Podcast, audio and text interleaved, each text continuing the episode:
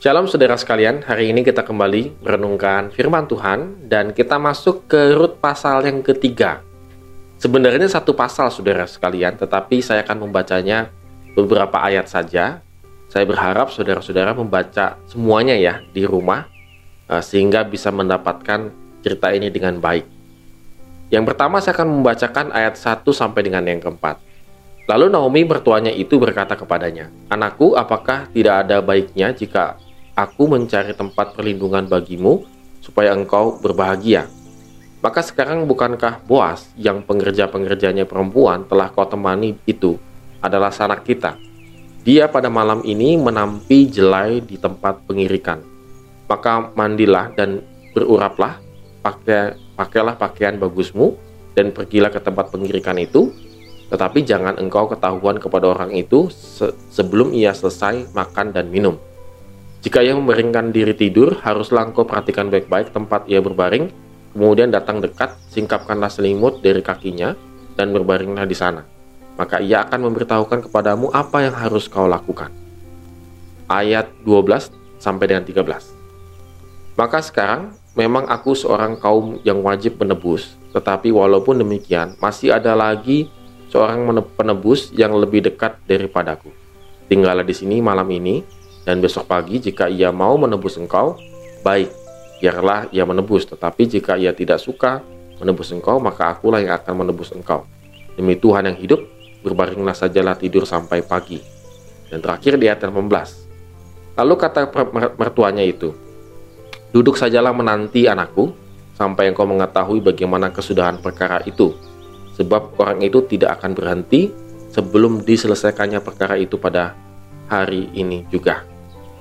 Ya, saudara sekalian, setelah Ruth berinisiatif untuk memenuhi pangan, kemarin Ruth kita bahas orang sangat bekerja keras begitu ya, untuk memenuhi segala kebutuhan Ruth dan Naomi, maka Naomi kemudian berinisiatif untuk mencarikan tempat perlindungan bagi Ruth. Maksudnya itu adalah suami sebenarnya ya. Nah, memang dalam uh, tradisi Israel, memang Boas itu adalah penebus daripada uh, Ruth ataupun Naomi itu kaum kerabat yang dekat. Tetapi ada juga yang lebih dekat lagi sebelum daripada Boas. Makanya kalau di kemarin kita baca itu uh, Boas itu adalah salah satu dari yang penebusnya uh, kaumnya uh, kerabatnya daripada Naomi. Dalam tradisi Israel bahwa penebus itu bertanggung jawab dalam hal menebus sanak saudaranya yang dibelenggu perbudakan. Kalau kita bisa bandingkan Imamat 25 ayat 48. Kemudian atau mencegah tanah milik keluarganya dialih tangankan. Itu Imamat pasal 25 juga kita bisa baca. Nah, kemungkinan itu di sini uh, ada mungkin tanahnya Ruth begitu ya yang dibeli lalu kemu, uh, apa yang bisa dibeli sama orang lain tetapi dicegah oleh si penebusnya supaya tidak dialih tangankan sehingga nama uh, suaminya Elimelek itu tidak hilang dari adat Israel. Kemudian penebus itu bertanggung jawab untuk mengawini gitu ya yang tadi janda sanak saudaranya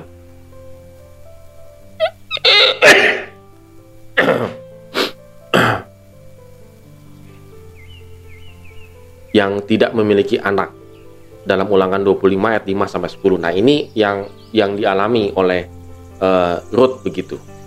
Jadi memang bisa untuk menikah dinikahi oleh si penembus ini. Nah, Saudara, taktik. Ini bukan taktik sebenarnya sih boleh dikatakan uh, adat kebiasaan. Memang sepertinya kayak aksi amoral begitu ya. Jadi nanti uh, kalau si bosnya nih nanti saudara baca lagi ya. Bosnya ini lagi ya tanda petik makan minum lalu kemudian urut menyelinap lalu kemudian ketika dia tidur menyingkapkan selimutnya dan tidur di kakinya. Itu bukan tindakan amoral. Tetapi itu adalah tindakan untuk meminta perlindungan jadi Ruth memohon kepada Boas untuk meminta perlindungan. Ibaratnya meminta untuk ditebus dan dinikahi. Kira-kira seperti itu. Nah, memang Boas tentunya ada tanda petik lah ya, memang sudah memang mungkin menyukai Ruth begitu ya. Seandainya kalau ini dibuat jadi film, kayaknya sih sudah sudah muncul asmara-asmara gitu ya ketika awal-awal daripada uh, cerita ini dimulai begitu ya, ketika pertama kali bertemu begitu. Nah, tetapi walaupun walaupun Boas itu berhak untuk menebus Ruth, tetapi ada yang lebih dekat lagi. Ada yang lebih dekat lagi selain Boas untuk bisa berhak lagi menebus Ruth dan Naomi. Maka dia mem uh, meminta kepada Ruth untuk menunggu sampai besok akan diurusnya. Nah, yang memang menjadi penekanan kita pada hari ini seperti kata uh, Naomi kepada Ruth. Duduk sajalah menanti anakku sampai engkau mengetahui bagaimana kesudahan perkara ini. Menanti. Saudara Boas menanti untuk menyelesaikan perkaranya dan juga Ruth menanti untuk perkara tersebut selesai. Di sini butuh penantian. Di sini butuh kesabaran. Ketika kita menjalani relasi dengan seseorang, bagi teman-teman pemuda dan remaja, pacaran, dan lain sebagainya, maka sebenarnya kita tidak boleh gegabah. Boas sangat taat akan firman Tuhan. Sehingga dia tidak segera langsung menikahi Ruth, tetapi dia mengikuti aturan-aturan yang sudah dibuat oleh Tuhan. Saudara sekalian demikian juga dengan kita, saudara. Ketika kita menjalani relasi dengan seseorang, apakah kita juga menanti melalui aturan-aturan atau melalui ketaatan kita kepada firman Tuhan. Ada begitu banyak pemuda remaja yang tidak mau menanti begitu ya atas jawaban Tuhan, maka mereka langsung mengambil satu keputusan menjalani relasi dengan seseorang, lalu kemudian akhirnya banyak juga pernikahan yang kandas begitu. Oleh karena itu, saudara sekalian, mari kita renungkan juga firman Tuhan hari ini apakah ketika kita mau melakukan satu hal perkara dalam dalam kehidupan kita satu permasalahan dalam kita kehidupan kita ingin menyelesaikannya apakah kita juga menantinya untuk jawaban dari Tuhan yang tepat untuk kita? Saudara jangan sampai kita melakukan segala perkara kita persoalan kita permasalahan kita kita tidak menyertakan Tuhan dalam kehidupan kita. Amin. Tuhan Yesus memberkati kita semua.